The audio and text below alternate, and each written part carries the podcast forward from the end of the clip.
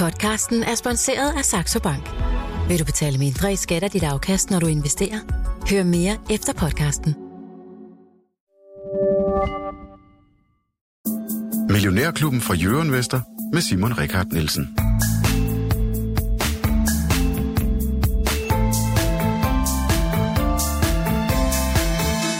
Godmorgen og velkommen til Millionærklubben her fra Jørgen Vester. I dag der ser vi frem mod de lysere tider. De tider, som med 100% sikkerhed rammer os alle, i hvert fald om en lille måneds tid, da er det jo vintersolværv. Spørgsmålet er så, om det rammer de finansielle markeder, om det rammer øh, aktieinvestorerne. Det er jo det, vi har fokus, fokus på her i Millionærklubben.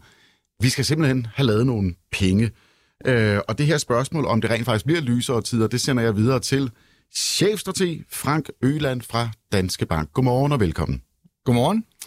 Og øh, Frank, ja, du skal ikke løfte sløret for, for jeres øh, nye prognose endnu, men altså det er landets største bank, som er ude med et, et nyt take på, hvad man nu kan gøre, ja. øh, hvis man sidder og har lidt øh, ondt i afkastet her i øh, 2022. Ja, det, det kan også ske. Nogle, vi har nogle stykker, der døjer med de her øh, røde tal. Øh, jeg kan også byde velkommen til øh, Lars Persson. Godmorgen. Vores teknisk-analytiske ekspert. Øh, Lars, øh, vi to, vi skal lige have klaret øh, morgenens nyheder. Ja. Der er gang i den ude i Kina. Skal vi starte der? Ja, men øh, ja, der, der har jo været øh, både demonstrationer, og øh, nu, nu øh, skal de holde et pressemøde, så øh, aktiemarkederne, det kinesiske aktiemarked er stedet lidt. Man håber måske, der kommer nogle, nogle løfter, nogle restriktioner, og øh, hvem ved, måske lige pludselig kunne de købe nogle vacciner af, af, af, af, af nogle af os andre, hvor virker, det ved jeg ikke rigtigt, men altså vi, vi dæmper i hvert fald øh, hospitalsindlæggelserne, sådan så at øh, vi ikke får et overflod af mennesker ind på hospitaler. Og det er jo det, de er lidt bange for kineserne. Deres egen, det, det virker ikke rigtig vel. Så, og, og, men det er, jo, det er jo lidt en, en streg i regningen, en bed for dem at erkende, at de, de ikke rigtig kunne få det til at virke. Så øh, jeg ved ikke lige, hvad der sker, men investorerne var, gode, øh, var glade her til morgen, og vi må se, øh, hvad det kan ja, rulle videre på. Og det var jo egentlig det, der gjorde, at amerikanerne var lidt kede af i går, da de gik på markedet, at, øh, at der var lidt rod over i Kina, fordi det er jo stadig vores fabrikshal alle sammen. Altså, vi, vi kan ikke komme ud om det. Apple får ikke nogen øh, mobiltelefoner, vi andre vi får ikke nogen dibedutter til Grundfos, øh, Danfoss, alle mulige andre steder, hvor vi har, og sådan er det med hele verden. Vi er stadigvæk afhængige af, at der kommer øh, ting ud af Kina, så øh, vi skal simpelthen øh, bede dem om at gå på arbejde igen, og, øh, og på en eller anden måde ligesom få det gang i systemet. Ikke?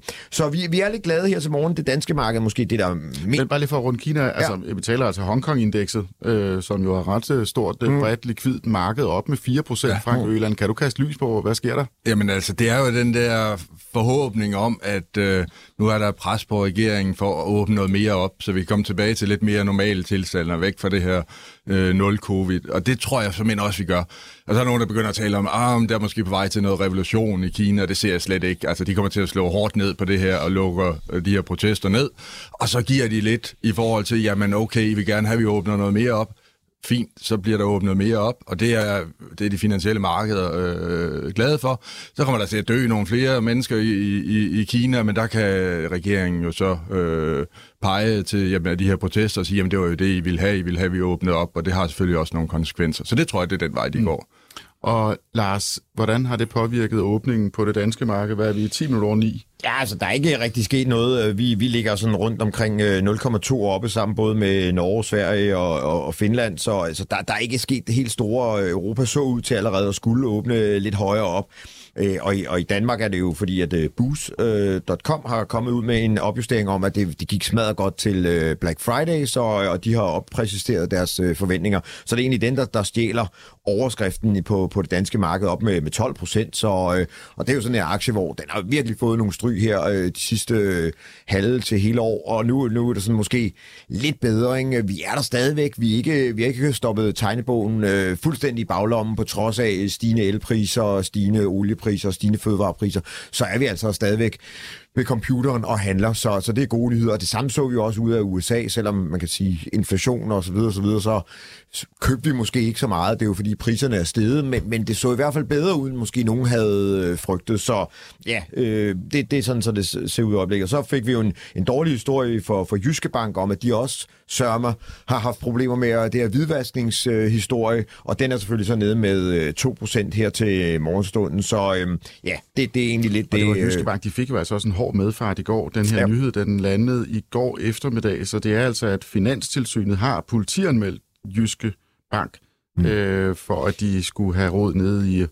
Og det handler om de her, øh, altså det handler om deres, deres tidligere, de havde på et tidspunkt en filial nede i Gibraltar, som de mm. så har øh, kommet af med igen. Mm. Øh, men der er altså en rest af nogle problemer dernede, øh, mener øh, Finanstilsynet, og det sætter sig bare i de her bankaktier. Ja.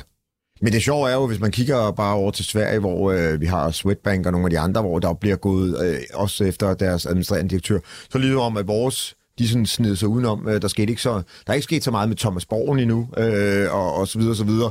Øh, han har selvfølgelig... Oh, det, han er blevet frikendt. Ja, ja, ja, men, og netop, Nå, jeg mener, ja, ja, jeg mener der, der, skete, der skete ikke rigtig noget, vel? Altså, han har ligesom siddet øh, med, med ansvaret, og han, han kunne ligesom køre, køre udenom øh, hele casen. Øh, det er sådan lidt mærkeligt. Hvorimod over i, i Sverige, jamen, der har øh, de taget øh, deres øh, gamle CEO ind, og øh, jeg tror nærmest, det ender med, at øh, hun ender med at, at ruske trammer. Øh, så, så Okay, det var, det var en, øh, en hård melding ja, Jamen, jamen, fra morgenstunden. Jamen, altså, de, de, går, de har jo fundet endnu mere øh, på, som de vil, de vil lægge til. Og det, det viser bare, at jeg synes tit, når Finanstilsynet øh, finder noget, så er det egentlig kun de små fisk, de fanger, hvis jeg skal være helt ærlig. Det er lidt ligesom, øh, og nu bliver det meget, øh, men det er lidt ligesom med, med, med, med gangsterne. Altså, man fang, fanger de små fisk ude på gaden, og man fanger aldrig, fordi er du virkelig stort, øh, så, så slipper du igennem nettet. Og, øh, så, så, sådan er det. Det skal bare være stort nok. Jeg er at sige. Vi må, vi må, lade, vi må lade retssystemet Yes. tage sig det. Det er altså I forhold, til, I forhold til markedsreaktionen, så kan man jo godt forstå det, fordi det, der ligger i det, der er jo både, der kan komme en bøde, men det er jo også enormt ressourcekrævende, den proces, man potentielt skal igennem her. Og det er også bare noget, der trækker energi ud af ja, en, en bank eller en hvilken som helst anden virksomhed. Så, så Det, man det er noget, det, I har, I har lidt erfaring med i, i Danske Ja, en Bank. lille smule, ikke? Sådan det er, sag der, den det er sådan lidt ærgerligt, at jeg skal Ja. i, i gang med det. Vi er jo heldigvis forhåbentlig ved at kunne afslutte hele den proces, og så begynde at kigge videre til noget andet. Ja. Det glæder vi os meget til.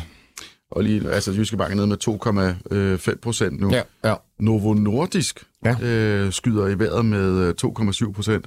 Og det er jo altid med Novo, så er det ufattelig mange milliarder, øh, når man har så stor en markedsværdi som dem.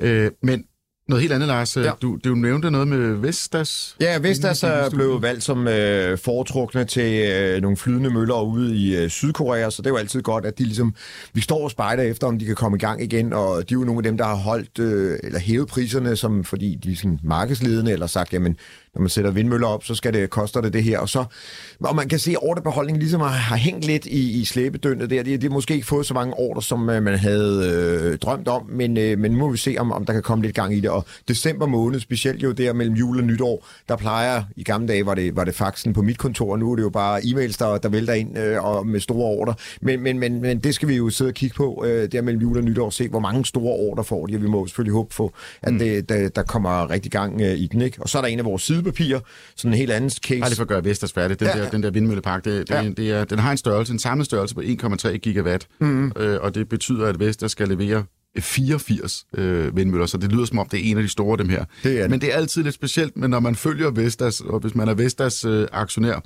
øh, så kommer der drøbvis de her fondsbørsmeddelelser. Mm. Hver eneste gang, de, øh, de får en, en, en ny kunde og sælger et eller andet, så skal de jo sige det til fondsbørsen, fordi det er så store ordre. Ja. Men det er ikke nødvendigvis noget, som betyder noget for kursen. Nej, øh, det fordi at øh, der er noget, der er indregnet i forvejen. Og hvis man lige går ind på, øh, der er jo realtidskurser her på Euroinvestor, ja, den er op med 0,4 procent. Så ja. det lyder som, det var en af dem der meget store ordre. Den havde vi nok forventet. Jamen, de skal, det er jo en stor produktion, eller, altså det er jo en stor virksomhed, så de skal jo have mange ordre før, ligesom at ordrebøgerne bliver øh, virkelig fyldte, så, så, det, og, og, så det er ikke sådan noget med, at man skal sidde og juble hver gang, at der, der kommer øh, bare en ordre, så skal man bare sige, nå, det var øh, godt. Altså, det er jo først, når vi kommer op i, når der er kommet virkelig mange ordre ind, at bunken er virkelig høj, at man kan sige, okay, der, nu, nu, nu sker der noget, ikke? Så, så hvis man kigger sådan lidt til vores våbenproducenter øh, Saab og sådan noget, altså der er det jo væltet ind, øh, og de har jo en orderlog masse år frem i tiden. Altså, øh, der vælter jo også hele tiden ordre ind i, i Vestas, men man skal jo egentlig læse på, hvornår bliver den leveret, fordi er det, øh, er det om et halvt år, eller dem det først et år, eller er vi allerede ude til halvanden år, jamen så, så bliver det jo måske lidt sjovere, fordi så pengestrømmene, de kommer jo øh, derude, når, når projekterne er øh, sluttet af, og det er det jo samme, når vi kigger på Eiffel Schmidt. Altså, der er jo sådan nogle, der producerer til projektsalg, så, øh, så ordrene kommer jo, eller pengene kommer jo først ude, når, når det hele er færdigt. Det kan godt være, at der kommer nogle drykvis, men det er jo først ude i 23, 24, at det, det sådan kommer i hele vejen ned igennem øh, systemet, ikke? Så, så det er det, vi skal holde øje med. Mm. Jeg er bare glad for, at Carlsberg sender børsmeddelelse ud, hver gang de sælger en kasse øl. Ja, det kunne også blive til mange. Apropos øl. Ja. Øh, Frank, du var i uh, Tisted i sidste uge. Ja, det var jeg da. Det, det er egentlig ikke det, vi skal snakke om. Du Nej, var, du Thisted var, egentlig, du var ja, Tisted Dejligt Bryghus. øh, men du var først i New York, og så uh, kunne hjælpe mig, om du ikke lige tog kontrasten, og så direkte til uh, Tisted. Ja. Det skal vi lige høre lidt om lidt, lidt senere, fordi det var et arrangement, som I havde arrangeret i New York, hvor I havde samlet... Ja, øh, også i en- Thisted. en- Og, og det var også... ja, det jo sådan eventbutikken Danske Bank. Nå, men, øh, men vi skal lige høre dit indtryk derovre fra øh, lidt, lidt senere i udsendelsen. Ja. Allerførst, Frank, øh, vi jo, har jo inviteret dig ind i dag, øh, som jeg sagde i indledningen, at Danske Bank er kommet med en ny prognose og noget ny rådgivning om, at man nu skal stille op. Ja. Så verden ifølge Frank Øland, hvordan ser den ud? Ja, men altså den øh, prognose, vi, vi lagde ud i går, jamen der, sådan på det økonomiske, der forventer vi stadigvæk en, øh, en mild øh, recession. Det skyldes jo centralbankernes øh, kamp for at få inflationen ned, at det rammer økonomien. Mild recession i USA, dybere recession i Europa, og faktisk et, et såkaldt dobbeltdip i Europa, ikke? så vi får noget recession i forbindelse med den her vinter. Og så, øh, når vi tror, vi er på vej ud af det, jamen, så kommer den næste vinter, hvor, hvor vi jo også bliver, bliver ramt igen på, øh, på den her energikrise.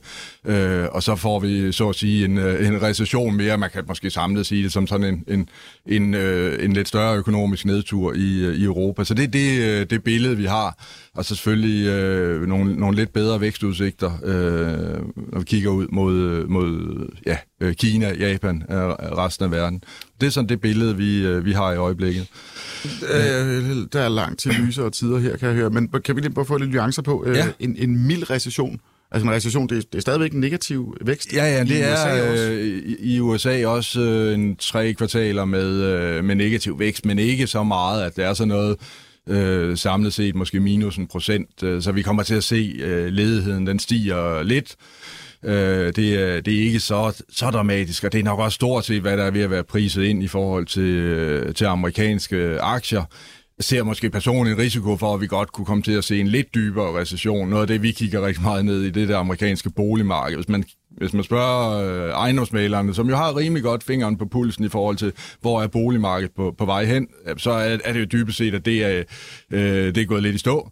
Øh, og tager man det her indeks op øh, for, for deres... Øh, øh, tillid til, til markedet og deres forventninger i forhold til, øh, til ledigheden i, i USA. De to følges forbavsende godt. Øh, at man skal altid passe på med det der med at tegne to øh, grafer op mod hinanden og sige, se her er en, en sammenhæng. Men den der, den, øh, den er ret tæt.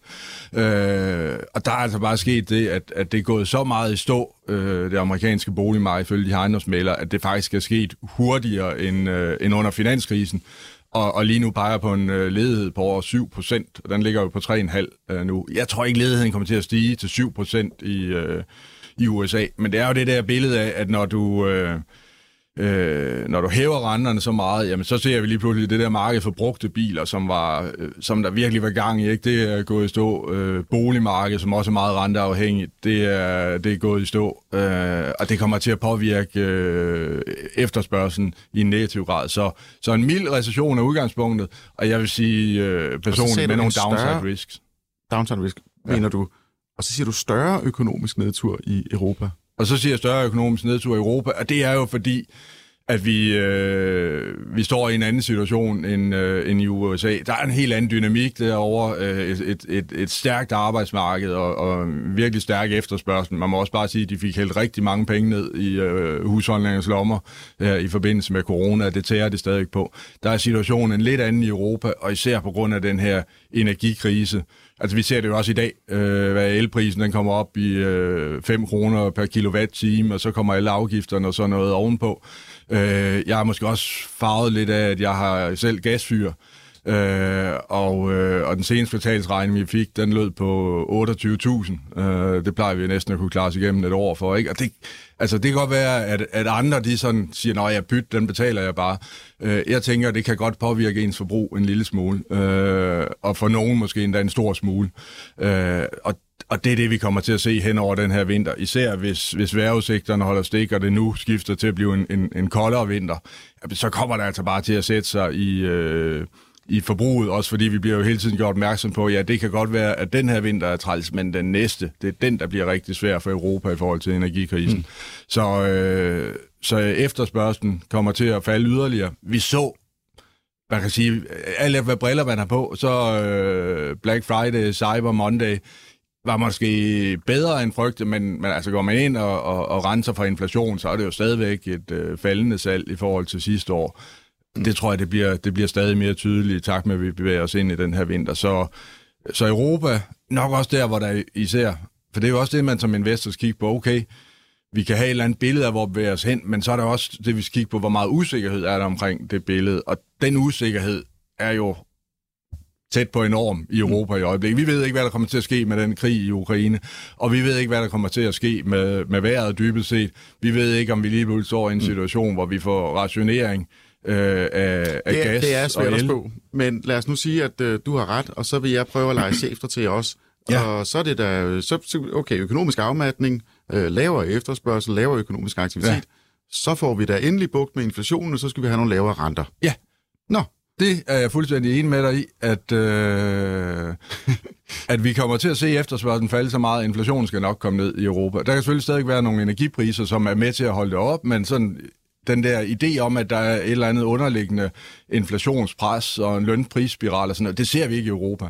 Øh, og, øh, og, og, og derfor måske i virkeligheden også lidt en fejl, øh, hvis man vil så fræk at sige lidt en politikfejl, at den europæiske centralbank har så svært med, øh, travlt med at hæve renterne i, i øjeblikket. Men jeg, jeg tror dybest set ikke, det er nødvendigt. Og det kommer selvfølgelig til at gøre, at, at den der nedtur, den bliver endnu dybere, end den måske ellers ville have været. Men det betyder så også, at inflationen kommer ned, og, og vi får noget recession, og så kan den europæiske centralbank så se, om de kan nå at slå hårdt bak og, og begynde at sætte renterne ned. Øh, en gang i vores prognose ligger, det gør de i 24. Jeg kunne godt se, hvis og du de har- tror ikke, renten bliver sat ned igen i 2023? det øh, kunne jeg godt forestille mig. Danske Banks officielle prognose er 24. Du er meget mere pessimistisk end din, øh, din, end din egen arbejdsgiver. Det er meget sjovt. Hvor, hvorfor har du det sådan? Jamen, øh, Det er fordi, det, er en det der gasfyr. Det er det der gas. Det, det er de der 28.000 for gasfyret. Ja, Du er ja. helt biased, Frank. Det er jo Ja, ikke, ja, du, kan jo ikke basere en økonomisk analyse på, at du har et gasfyr for fanden. Nej, Ej, det, øh, det, det er du da fu- fuldstændig ret i. Øh, jeg var i New York. Øh, Ja. Olivier Blanchard, øh, tidligere IMF-cheføkonom, har skrevet øh, ja, en af mine øh, tykke lærebøger, da jeg var på universitetet. Så tænker jeg, han var måske også ved at, at, at lytte til. Og han havde sådan lidt det samme, eller ikke bare lidt, han havde det samme billede. Det var en fornøjelse at sidde og, og høre på. Hvor, at, hvor, hvad øh, laver han i dag? Øh, Blanchard? Er han stadigvæk i uh, professor? Ja, ja, han er øh, professor på Okay. okay. universitet derovre. Øh, Ja. Så holder han jo så oplæg og debatter og sådan noget. Og han er også gasfyr. Øh, det er jo lige meget, fordi han, øh, han er godt nok franskmand, men han bor jo i, i USA, og de har jo ikke nogen energikrise. Nej. Og de har faktisk den der øh, efterspørgsel, drevet af et meget stærkt arbejdsmarked, begynder at se nogle store lønstigninger. Og det er det helt rigtige, at den amerikanske centralbank derfor hæver renterne for at dæmpe efterspørgselen. Mm. Og det skal man gøre, når det er efterspørgselsdrevet. Men den fejl, den europæiske centralbank, ifølge ham, øh, ifølge mig, Øh, ifølge et par, par andre af, af, af dem, der er derovre og, og, og holde oplæg, er ved at begå, ikke? Det er, at det her det er et udbudsstød. Altså, som en sagde, altså, der er krig, der er energikrise, selvfølgelig er der inflation, men hvorfor pokker øh, hæver den europæiske centralbank øh, renterne så, så aggressivt? Og Altså, det er jo fordi, at, at de, historien i USA er så meget forskellig fra den, Ja. vi har i Europa, fordi og det er USA selvfølgelig, er fordi det de frygter, efterspørgselsdrevet. at det bliver til noget efterspørgselsdrevet. At vi Aha. begynder at se nogle kraftige lønstigninger, men det gør vi jo ikke rigtigt endnu. Og lige om lidt stiger arbejdsløsheden, og så bliver det måske ikke der, man går ind til chefen og siger, jeg vil have øh, priserne steget 10% så jeg vil også have 10% lønstigning. Nej, man kan godt være, man går ind og siger, jeg vil gerne bare beholde mit job. Mm. Så, øh, så den der lønprisspiral ser vi ikke i samme grad i, i Europa. Det er et udbudschok, og, og hvorfor reagerer man så? Altså, den europæiske økonomi får en på den ene side af hovedet, ikke? så kommer den europæiske centralbank giver os en på den anden side af hovedet. Øh, er det virkelig nødvendigt? Men vi så det jo faktisk i starten af finanskrisen. Jeg husker, vi sad i markedet, og var så spændt på det her ECB-møde, fordi Fed var begyndt at sænke renten ganske kraftigt, og nu kommer ECB, og så hvor meget får vi? Får vi en halv, eller får vi en hel procent? og så hævede de renten, fordi mm. olieprisen var jo steget. Mm. Og der gik godt nok sådan et wow igennem øh, hele, øh, hele markedet, der 500 mand, der sad og, og tænkte, what the fuck? Og så gik der jo hvad, tre måneder eller sådan et eller andet, så lang tid tror jeg ikke engang det gik, så kunne de jo så bare begynde at, at sende renterne ned mod nul, fordi det var selvfølgelig en politikfejl, og det mener jeg også der i dag. Okay, så det kan ske igen?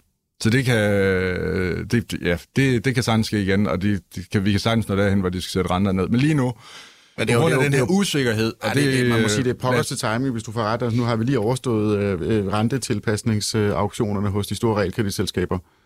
Og det er jo en ordentlig rentehammer, der er faldet. Øh, og her 1. januar, så kommer ja. alle F-kortlånene også. Ja. Øh, men bare i forhold til... Ja, ja, sådan et har jeg også. Ej, ej, okay, Frank, så kan jeg godt forstå, at du er trist. så, øh, jeg, vil, jeg vil også være pessimistisk, så, hvis jeg men, har men, men, men, nu har jeg jo også arbejdet øh, lidt i den europæiske centralbank, og altså, det er jo en supertanker. Ja. Så der er jo ikke nogen grund til at tro, at de kommer 2. Øh, januar og siger, gud, nu har vi da overvejet det her, vi kan godt se, at alt, alt peger ned, altså nu skal vi til at sænke renterne, så mm.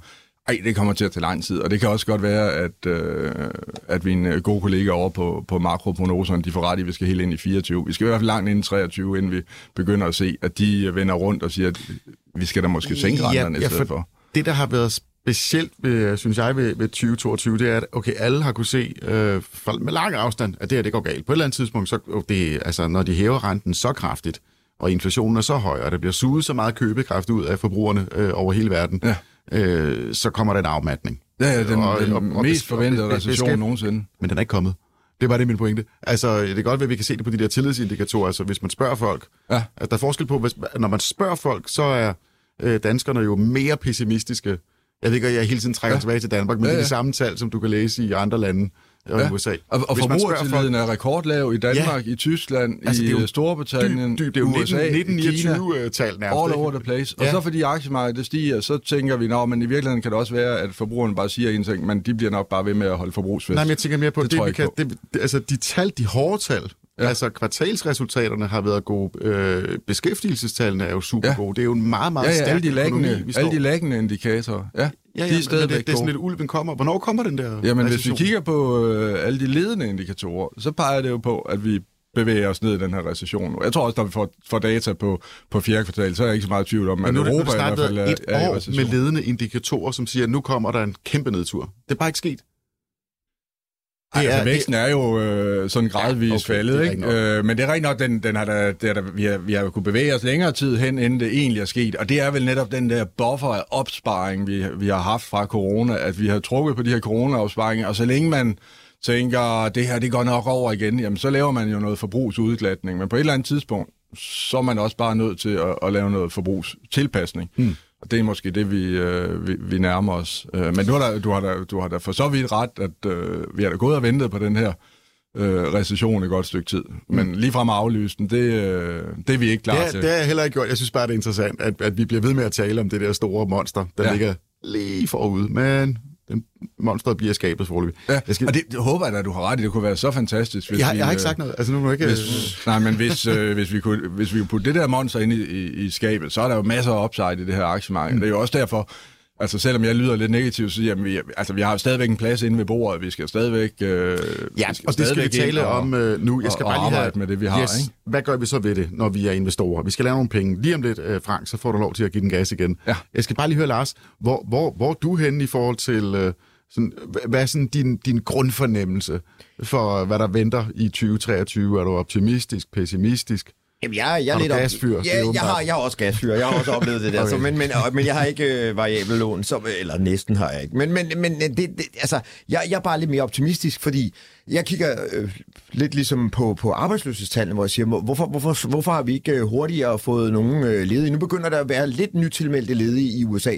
Og spørgsmålet er så også, om amerikanerne behøver at sætte renten helt op til 5%. Sådan så, og jeg, øh, jeg forstår heller ikke ligesom, hvorfor, hvorfor vi skulle hæve renten i Europa, men det er fordi, som du siger, der er krig og alt muligt. Men, men jeg er optimistisk, og det er, det er hele tiden, om, om aktiemarkedet skal sådan meget op, det, det tror jeg ikke. Øh, for en gang skyld kan vi måske lande omkring nullet, eller måske minus Øh, en øh, 5 procent, men, men, men jeg, tror, jeg tror ikke sådan, at toget øh, kører. Men det, der er lidt underligt, det er jo, at Europa er drønet foran USA her det sidste stykke tid. DAX'en, Kakken, alle de der europæiske markeder har jo faktisk klaret sig væsentligt bedre end, end USA jo. Øh, og, og, og det er jo derover der er damp, som Frank siger. Så, så lige om det, det er lidt mærkeligt. Det er måske, fordi vi har lullet os lidt i søvn på den billige gas. Ikke?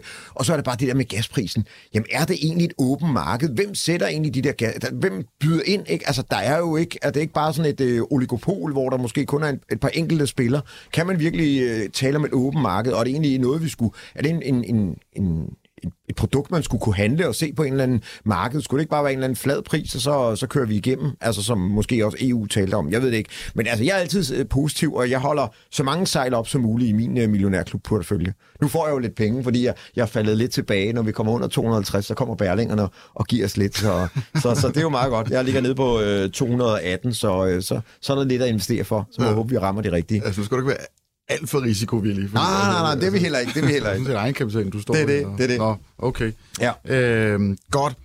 Frank, hvad gør vi? Øh, ved du hvad, inden du går i gang, så vil jeg godt lige spille den her.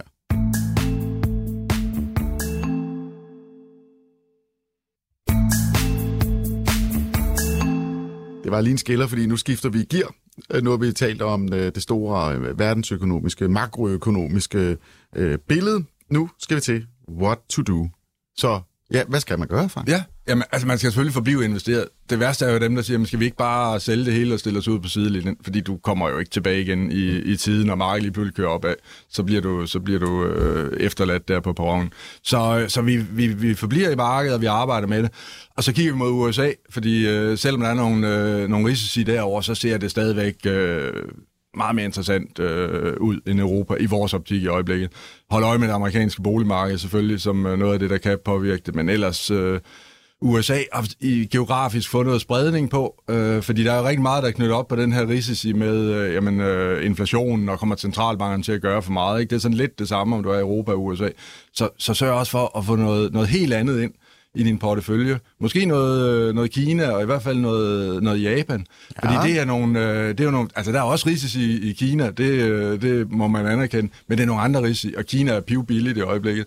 Øh, og Japan, jamen, der er også nogle muligheder. Øh, vi Prøv, lad, os, lad, os tage, lad, lad, lad, lad os tage Kina først. Ja. Altså, det er... Åh, oh, Lars, marker lige. Hva, ja, hva, ja bare, bare lige med Kina, fordi nu kan man jo se, at de hjælper de her bolig øh, developer og sådan noget, for ligesom at lette det hele. Og, øh, tror du, Tror du, det, der, det er vejen frem for Kina? Altså, at de, de løfter det der øh, boligmarked, øh, så de hjælper kineserne på den måde? Eller, eller øh, er du nervøs for, at der lige pludselig springer en boble derovre, eller hvad? Jamen, der er vel ingen øh, tvivl om, at, at vi har med et, et diktatur at gøre, der, der lige nu øh, ser et behov for måske også at, at, at, at give noget momentum til den her økonomi. Så der mm. kommer nok til at blive gjort endnu mere for at, at, at stimulere det her boligmarked. Der er allerede gjort en del.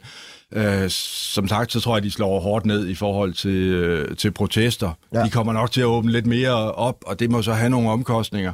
Øh, men i forhold til os som aktieinvestorer, så er det jo positivt, at, øh, at der bliver åbnet mere op. Øh, at vi kan forhåbentlig i lidt højere grad regne med, med den produktion. Mm.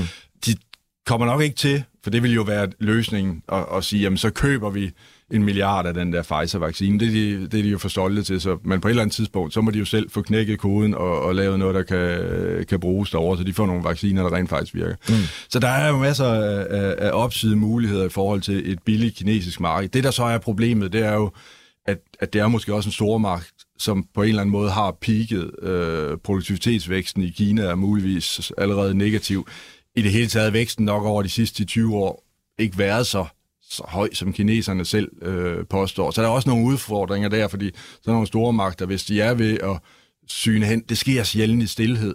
Øh, så det kan godt være det mest kineserne, der kommer til at mærke det der, ikke? At, at, at den der undertrykkelse, vi har set igennem det, det sidste år 10, den bare er begyndelsen på, hvad der kommer. Men som investorer, Kina er nok blevet øh, mindre investerbar. Øh, David Solomon, CEO for Goldman Sachs, var med over i New York, og, og det var noget af det, han talte om, at Kina er blevet mindre investerbart. Øh, men, men samtidig også, at, at det var ikke sådan, de forlod Kina. De indskrænkede bare deres aktiviteter lidt. Men, men det er stadig bare... ikke muligheder der. Ja, og det der med, øh, altså man, man kan jo sådan set bare gå ind og kigge på nogle nøgletal og konstatere, at ja, øh, kinesiske aktier er vidderligt meget øh, billige. Du siger, de er pivbillige. Ja. Jeg bemærker også, at Jeppe Christiansen fra Marinvest var ude for et par uger siden og sagde, det er screaming bare, altså Kina, Kina, Kina. Jeg tror ikke lige, det var ordene. Mm. Øh, men øh, modspørgsmålet er jo som, jamen det er jo klart, øh, de er billige, fordi hvis vi skal tilbage til en verden, hvor vi lukker os øh, om altså en, en, en ny slags Ja. øh, økonomisk øh, kold krig, altså hvor kinesiske selskaber får sværest ved at være afsætte deres varer i, i hvert fald teknologi, øh, Alibaba, Tencent, Huawei, hvad det nu er. Øh, hvis, hvis, vi, altså, hvis Kina lukker sig om sig selv, Ja. og vi i Vesten lukker os om sig selv, vi vil ikke have deres øh, kamera- og overvågnings halløj og deres telekommunikation, jamen, så, skal det jo, så er det jo et mindre marked, så skal de være billige lige nu for den overgangsfase. Det hele skrumper. Og det kan ende i en konflikt mellem USA og, og Kina. Øh, og, og hvis vi igen skal tage fat i Solomon, så sagde han, at det er den største risiko, der er i øjeblikket. Det er den her øh, konflikt mellem Det var Goldman mellem Sachs USA. uh, top guy, der Ja. sagde det.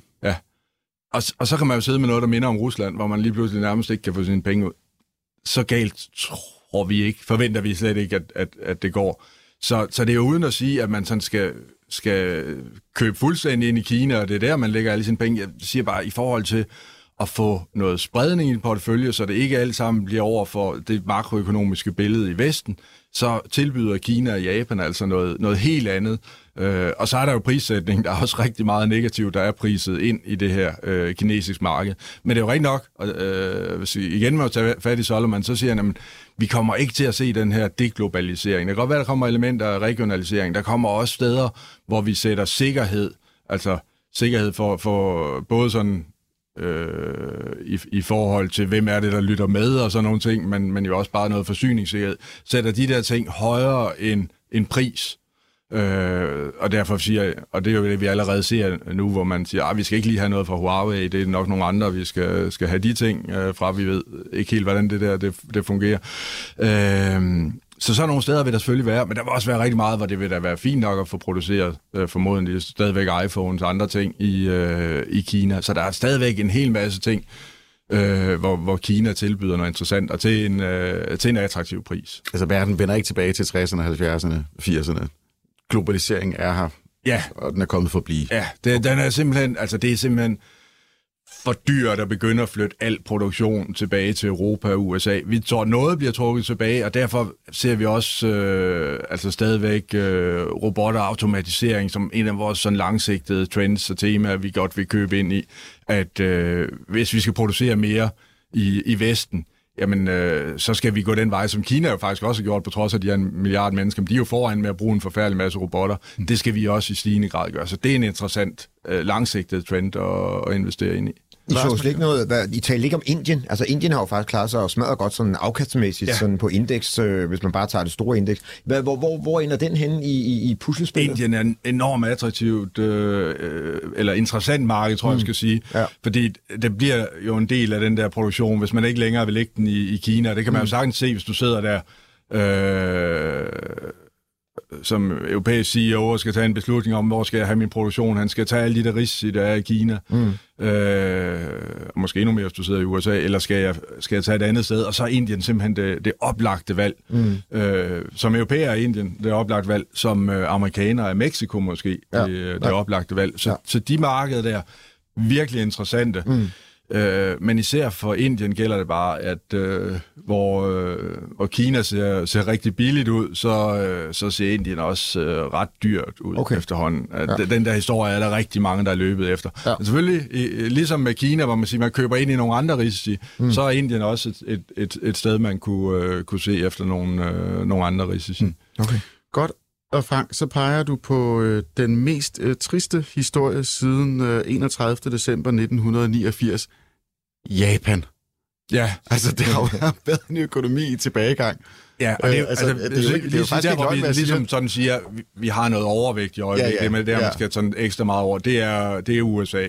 Men, men vi synes også, at man skal, skal kigge mod, øh, mod Japan, og, Og, og det er jo, fordi vi har set øh, yen, der var faldet rigtig meget, og, og der er nogle muligheder for at få noget yen-appreciering, og måske er, er den øh, økonomiske model i Japan heller ikke så tosset en dag, og de har i hvert fald ikke inflationsproblemet, så de er ikke ved at, det er at slå deres økonomi ihjel med rentestigning. Jeg tror, den var oppe på 3,7 procent eller sådan noget. Ja. ja, men det er jo positivt for, for et land, der har kæmpet for at, at få lidt inflation tilbage. Jo, jo be, bevares, men hvordan, hvordan kan det egentlig lade sig gøre? Og, og få inflation i Japan. øh, nej, nej altså, altså vi andre sidder med 8, 9, 10 procent, ikke? Ja.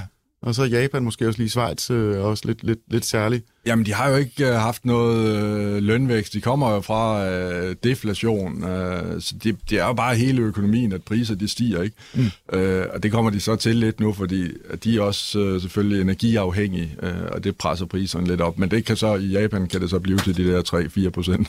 Men, men den japanske historie, øh, som I fortæller, er, er det også i forbindelse med... Øh, altså, er det, er det billige aktier, der, der driver den historie, eller er det noget andet?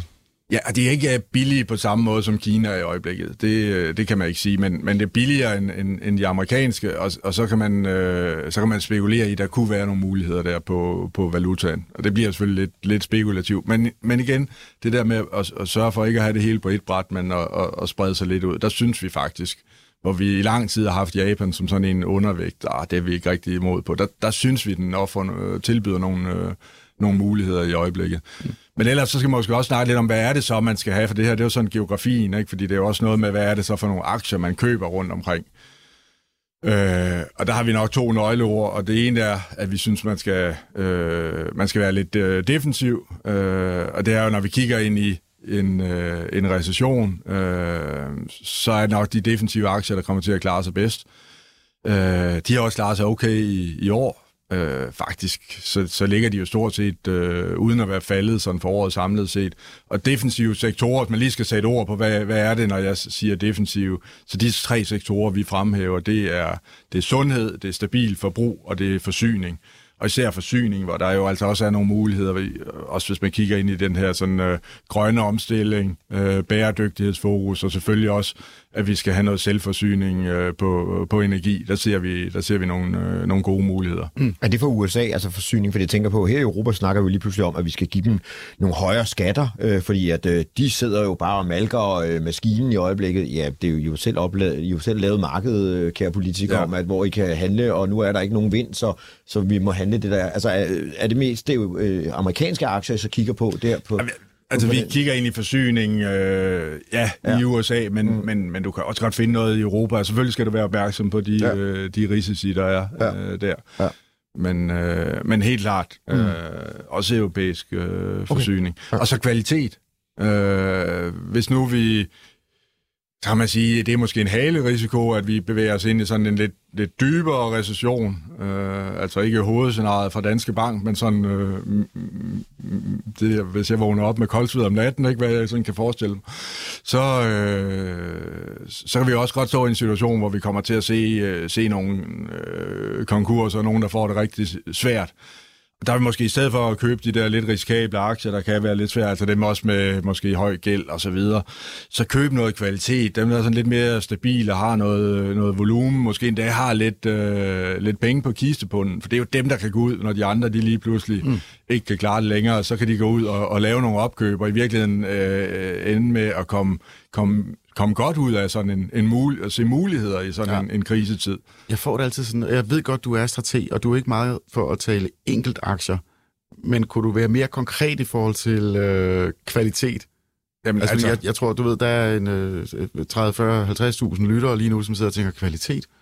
Hmm, ja, kvalitet, det, det er at kigge ned i virksomheden. Har de en øh, stabil øh, indtjening? øh, gerne et, et godt afkastniveau, og så måske især på det her tidspunkt også det her med, at det, der må altså ikke være en masse gæld. Øh, har altså de en st- stabil penge, indtjening, men ikke, men ikke, fordi der er forskel på, man, man taler, hvis man defensive aktier er ikke nødvendigvis og kvalitet. kvalitet. Nej, kvalitet kan både være, det kan være i alle sektorer. Øh, Forsyning, ja, det er jo stabil indtjening. Ja, der kan der du godt finde meget gæld, ja. øh, så det så du skal have en masse... For, altså, vi, altså, nu må jeg igen tjekke listen og sige... Ja, ja. Stabil indtjening, en, øh, lav gæld, Ja. Øh, hvad har vi mere? Øh, høj, hvad sådan noget, egenkapitalforretning. Det vil også være godt, ja. ja. ja. Kan du, kan du ikke hjælpe? Jeg, jeg ja, kigger på dig, Lars. Kan du ikke altså, komme med nogle enkelte aktier? Ja, men, jo, jo, men enkelt, enkelt aktier, så vi kan jo se det i Danmark, hvor at vi altså, har... Ikke, ikke anbefaling, men bare nej, sådan, nej, hvad, men, altså, hvad karakteriseret sådan? Ja, vi, vi kan jo se det i Danmark, hvor at, at vi har haft uh, GN Store Nord, der har købt noget på toppen, ikke? og har fået uh, slæber rundt på en stor gæld. Og vi skal jo se på nogle af dem, der bruger... Altså, det er ikke kvalitet? Det er, nej, men det er ikke kvalitet. Vel? Mm. Så det, grunden til, at aktien stiger i øjeblikket, det er fordi, vi tror, der kommer måske nogen og, og køber den, eller der er et spil i gang, øh, som Lars Svendsen også skrev om på, på Euroinvestor i går. Ikke? Jeg venter bare på en af jer siger, det er sådan noget som Novo Nordisk. Ja, ja. Nå, men, så sagde ja, du det. det ja, men, men, ja, ja, ja. Det kunne, altså, du kunne også se sådan en Genmap, der lavede all-time high i går. Altså, det er jo fordi, vi skal finde nogen, men, men det der alligevel er, når, når vi siger sundhed, så kan vi også godt se ned i sundhedskassen, at der har været det er ikke bare at plukke op igen, som, og hvor er det kvaliteten? Fordi der kan vi se sådan som Philips, Electra, øh, og vores egen Ambu har været uheldige, at de jo egentlig ikke har fået gang i salget efter coronaen. Altså, du, der er alligevel nogen, der, der sælger projektsalg, eller der mangler ligesom at få noget, så, så man skal som investor, altså, der, der, der er ikke rigtig sådan, øh, der er ikke nogen nemme øh, frokoster i øjeblikket, vel? Altså, øh, det, det, det, du skal ligesom virkelig sidde og, og, og, og mørkle, og nu er det alligevel mørkt, og du skal sidde, hvis der lyset skær, så nu har du også tid til at læse, sluk computeren, og så læs regnskabet, mm. øh, og så se, åh, oh, er der en stor gæld der? Jamen, så skal jeg måske øh, tage naboen, der har en mindre gæld, øh, og spørgsmålet er selvfølgelig, øh, om, om naboen så er interessant, fordi så vækster den måske ikke så, så interessant, og så skal du videre til noget helt mm. andet. Ikke? Så, men, men, men det er jo det, der er svært. Men kvalitet, jeg, siger, som jeg husker, så plejer folk typisk at tale om sådan noget som Novo Nordisk. Det kan også være Nestlé, eller det kan være Jamen, Nestlé, det er jo... Apple, eller det er vel sådan noget... Ja, ja meget sjovt, du lige nævner Nestlé, fordi de er ude her til morgen og, og, og hæve deres forventninger faktisk øh, for næste år. Stadigvæk under... Det er bytte plads, Lars. Ja, nej, men stadigvæk, stadigvæk, under, stadigvæk, under, øh, stadigvæk under analytikernes forventninger. De er jo stadigvæk som måske lidt skruet op min producer han sidder og ryster på hovedet. Ja, det, det er godt. Det kan du glemme alt om. Det er det. Okay. Hvad hedder det nu? Så, så vi, vi har stadigvæk en... en altså, så det kunne godt være et sted. Også fordi vi ser jo, at folk alligevel, selvom vi tager ned på nederste hylde, når vi er ude og købe ind, så er der stadigvæk nogle produkter, som vi, ikke øh, går på kompromis med. Altså, du skifter ikke lige ud din øh, Heinz ketchup måske til en... Øh, til en øh, eks øh, fra Brosen, vel? Du, du skal have Heinz. Og så, sådan har vi nogle præferencer rundt omkring. Så nogle af de der selskaber, de, de, de har stadigvæk et salg. Øh, så vi er ikke gået helt over til de billige veje nu. Mm. Godt. Øh, jeg har noteret mig øh, Kina. Jeg har noteret mig Japan. Øh, overvægt i USA. Mm. Pas lige på Europa. Ikke så godt. Undervægt. Det bliver meget sådan over under og så videre. Ja, ja. Men, men øh, øh, obligationer sagde du ja. til mig inden ja, du, du noterede også uh, defensiv og sundhed. Og defensiv og noget kvalitet. Noget stabil forbrug. Uh, Nestlé yes. falder jo perfekt ned i den, ikke? Som sådan ja. defensiv, stabil forbrug, men også kvalitet. Ja, ja. Uh, så, så et, et, et glimrende eksempel. Ja. Uh, har, har du flere eksempler? Ja, det er jo, det er jo ikke det, jeg gør så meget, vel? øh, det har vi jo også, øh, vi har jo rullet rigtig meget compliance ud. Der er 20.000 børsnoterede virksomheder i verden, jeg kan ikke nå at stå og nævne dem alle sammen, Nej. så sidder den ikke, du... Se, hvornår jeg ligger, og når jeg ryster på hovedet. Nej, men, men og det er sådan, Altså, det er, jo, det er jo sådan, det ikke er næste niveau, at selvfølgelig gå ned og tage de der øh, enkle aktier. Og der må man jo så tage fat i sin investeringsrådgiver, for det skal jo også passe ned i den, den enkelte portefølje. Godt. Øh, Obligationer. Ja, fordi det er jo så det andet, at, øh, at når nu det her aktiemarked måske stadigvæk synes, vi ser lidt svært ud, og, og vi måske også tænker lidt, at det, øh, det rally, vi har haft på det seneste, det er lidt drevet den her fear of missing out. Øh, der var også et par stykker over i USA, der kaldte det sådan et, et fools rally. Øh, så hvor, hvor man jo lidt bliver påvirket det der, nu kører det op, at nej, så må man hellere hoppe med. Ikke? Og, og der, altså vi ser i hvert fald risikoen for, at det er sådan et, man kan også kalde et bear market rally, endnu et bear market rally, ligesom vi havde i sommer, så det kan falde tilbage. Og så vil det jo være rigtig godt også at have nogle, jo, nogle, nogle penge over i obligationsmarkedet. Der har vi jo rigtig mange kunder, der synes, det har været fuldstændig uinteressant sådan set øh, ja, forever. Mm. Øh, og det har det jo også været med nulrenter, men, men nu er der jo noget at komme efter. Det har været, det har været ondt over for obligationsejere med, med de her rentestigninger og, og voldsomme kurstab. Men nu er renterne ligesom steget, øh, og det vil sige, at du får faktisk noget afkast i obligationer. I den korte ende, altså obligationer med kort løbetid, som alternativ til at have øh, kontanter stående, øh, og så i den lange ende, og det er nok der, jeg synes, det er spændende, øh, at der, øh, der kan du altså komme op og få en... Øh, i, også i danske realkreditobligationer, en, en, en 5% i, i, i rente. Og så er der jo det, altså vi har jo sågar udstedelse af en, en, en 6%'er.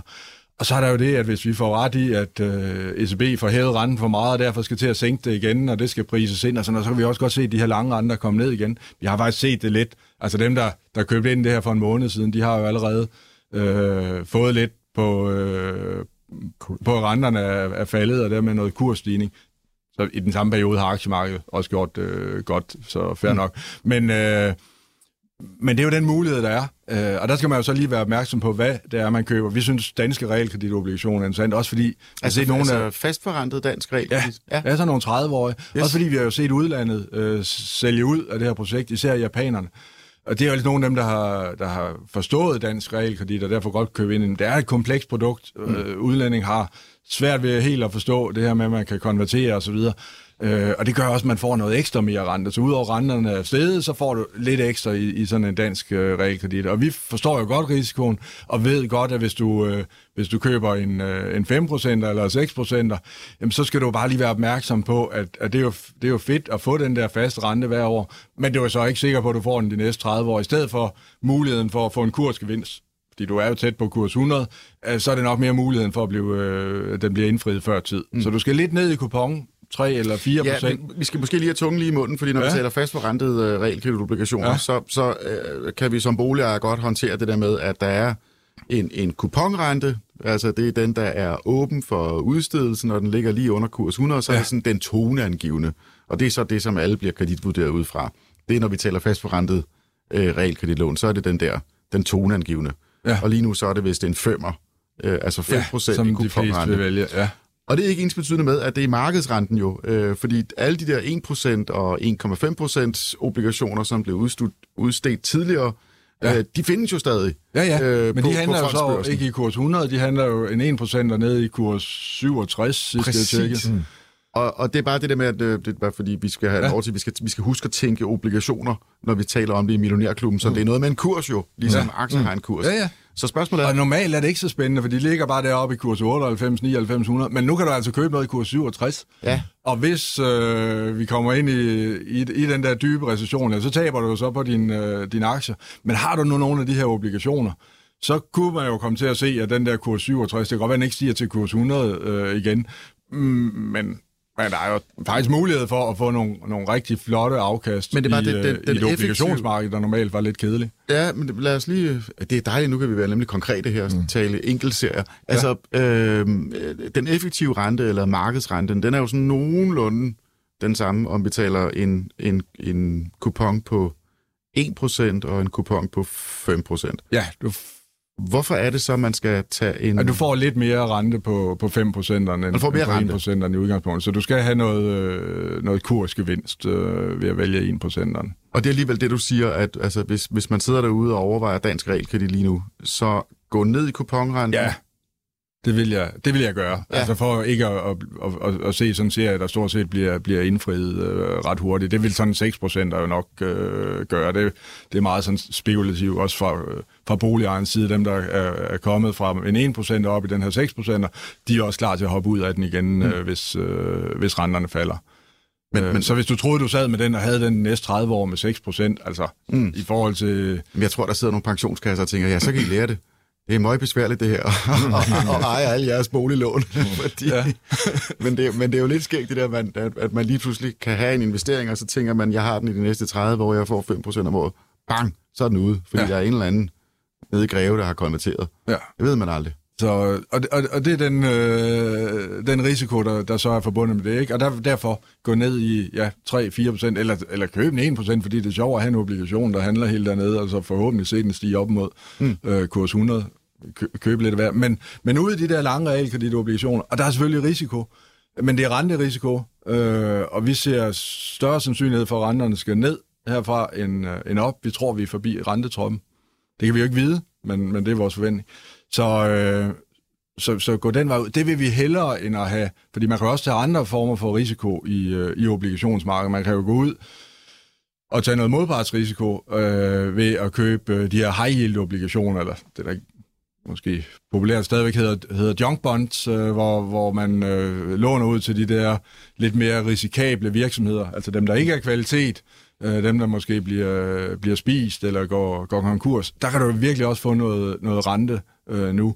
Men det er også bare der, hvor vi kan se, øh, at man kan komme til at få nogle tab i, øh, i det der scenarie, hvor, hvor tingene bevæger sig. Men igen, hvad Ja, hvis du... så, så kreditrisikoen, det er ikke den, vi vil tage lige nu. Der vil vi hellere tage noget, noget renterisiko. Gerne i sådan noget investment grade virksomhedsobligationer, og der kan man også få noget, noget okay afkast. Mm-hmm. Altså virksomhedsobligationer mm. til sådan lidt mere solide øh, virksomheder. Ja, fordi det er jo, så skulle jeg spørge, hvad, hvad bare med almindelige gode virksomheder, der, er, der har AA-rated, eller hvor, hvor meget Ja, det nu det er? er så fint, og jeg vil sige ned til sådan noget, måske en triple B, Ja. ja. er vi fint med. Mm.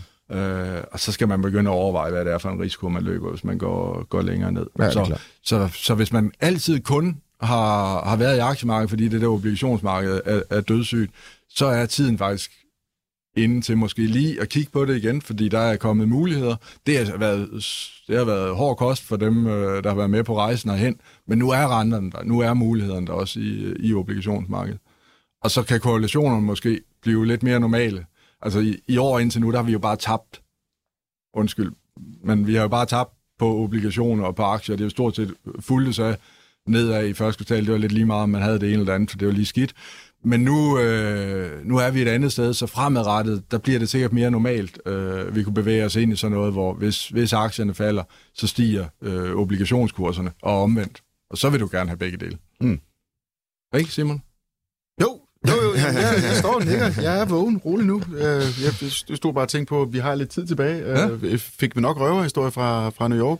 Nej, men det kan da godt være, at vi ikke gjorde. Vi fik lidt... Øh, øh, fra... skulle vi lige starte med at fortælle, at du havde været i New York i sidste uge Ja. øh, med en masse kunder, Ja. øh, hvor, hvor I havde talt med nogle af der Ja, vi havde øh, 120 investeringskunder med derovre på sådan en New York Summit. Ja, jeg, var, jeg havde åbenbart ikke nok penge. Jeg havde hverken Lars eller jeg. Nej, vi var ikke med. Nej, jeg var også lidt Okay. overrasket at se, at I ikke var på, øh, på Ja, ja, listen der. Nå, Det okay. kunne altså have været hyggeligt, men, øh, men ja. Fair nok. Men, øh, men, men øh, du, du nævnte Goldman Sachs CEO. Var der andre? Øh, vi- Ja, altså, og jeg lavede, nævnte øh, Olivier øh, Blanchard, der min øh, lærebogs øh, skribent, øh, IMF, øh, cheføkonom.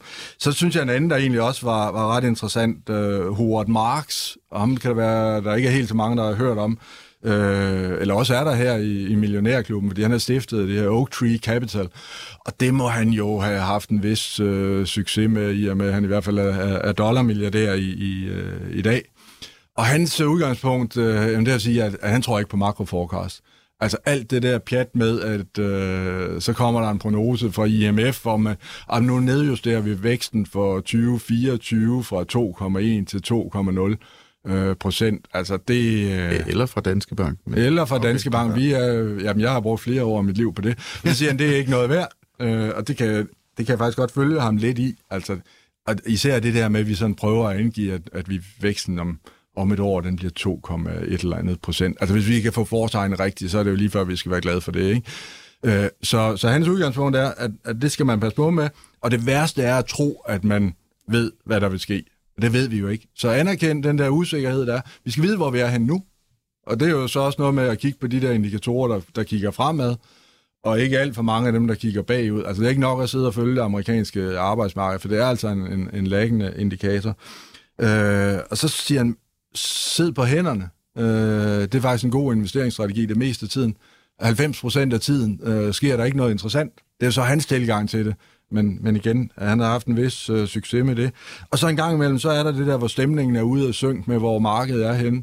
Og det er alt for negativt eller alt for positivt. Og det er, det er der, man, man så at sige skal, skal købe eller sælge. Og så har han en lille anekdote med, om at han har sådan sagt til sin søn, at han synes nu, at øh, han, jeg tror, han var lige lidt stolt der, ikke? Han har sådan set haft ret i, i stort set alle hans, øh, hans investeringskald. Og til der så var kommet tørt fra sønnen, at jamen, det er jo fordi, du kun har haft fem i løbet af de sidste 40 år. Mm.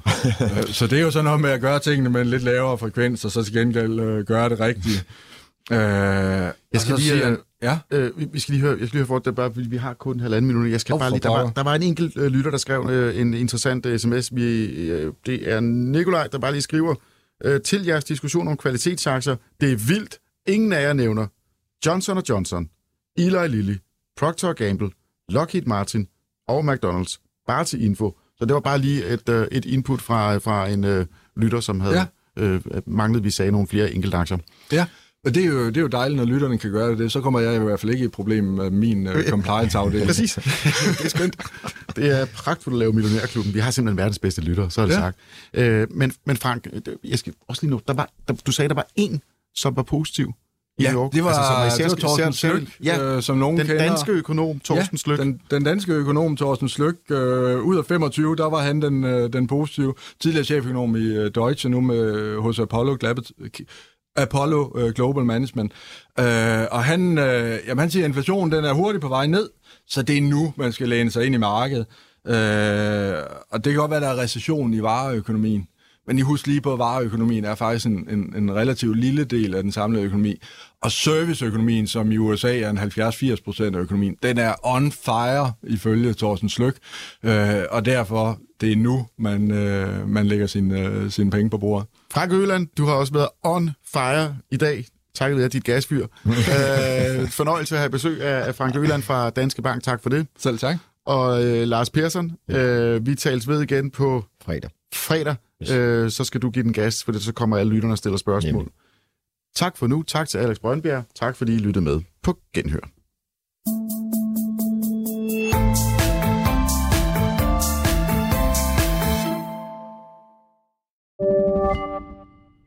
Millionærklubben var sponsoreret af Saxo Bank. Gør det godt i din virksomhed hos Saxo Bank kan du få dine overskydende midler til at vokse med en investeringskonto, hvor du også kan få op til 3,05% i positiv rente uden binding. Det er nemt og gratis at oprette en konto. Der er ingen konto og depotgebyr, og der er ingen binding, så du kan altid investere eller trække dine penge ud. Kom i gang allerede i dag på saxobank.dk.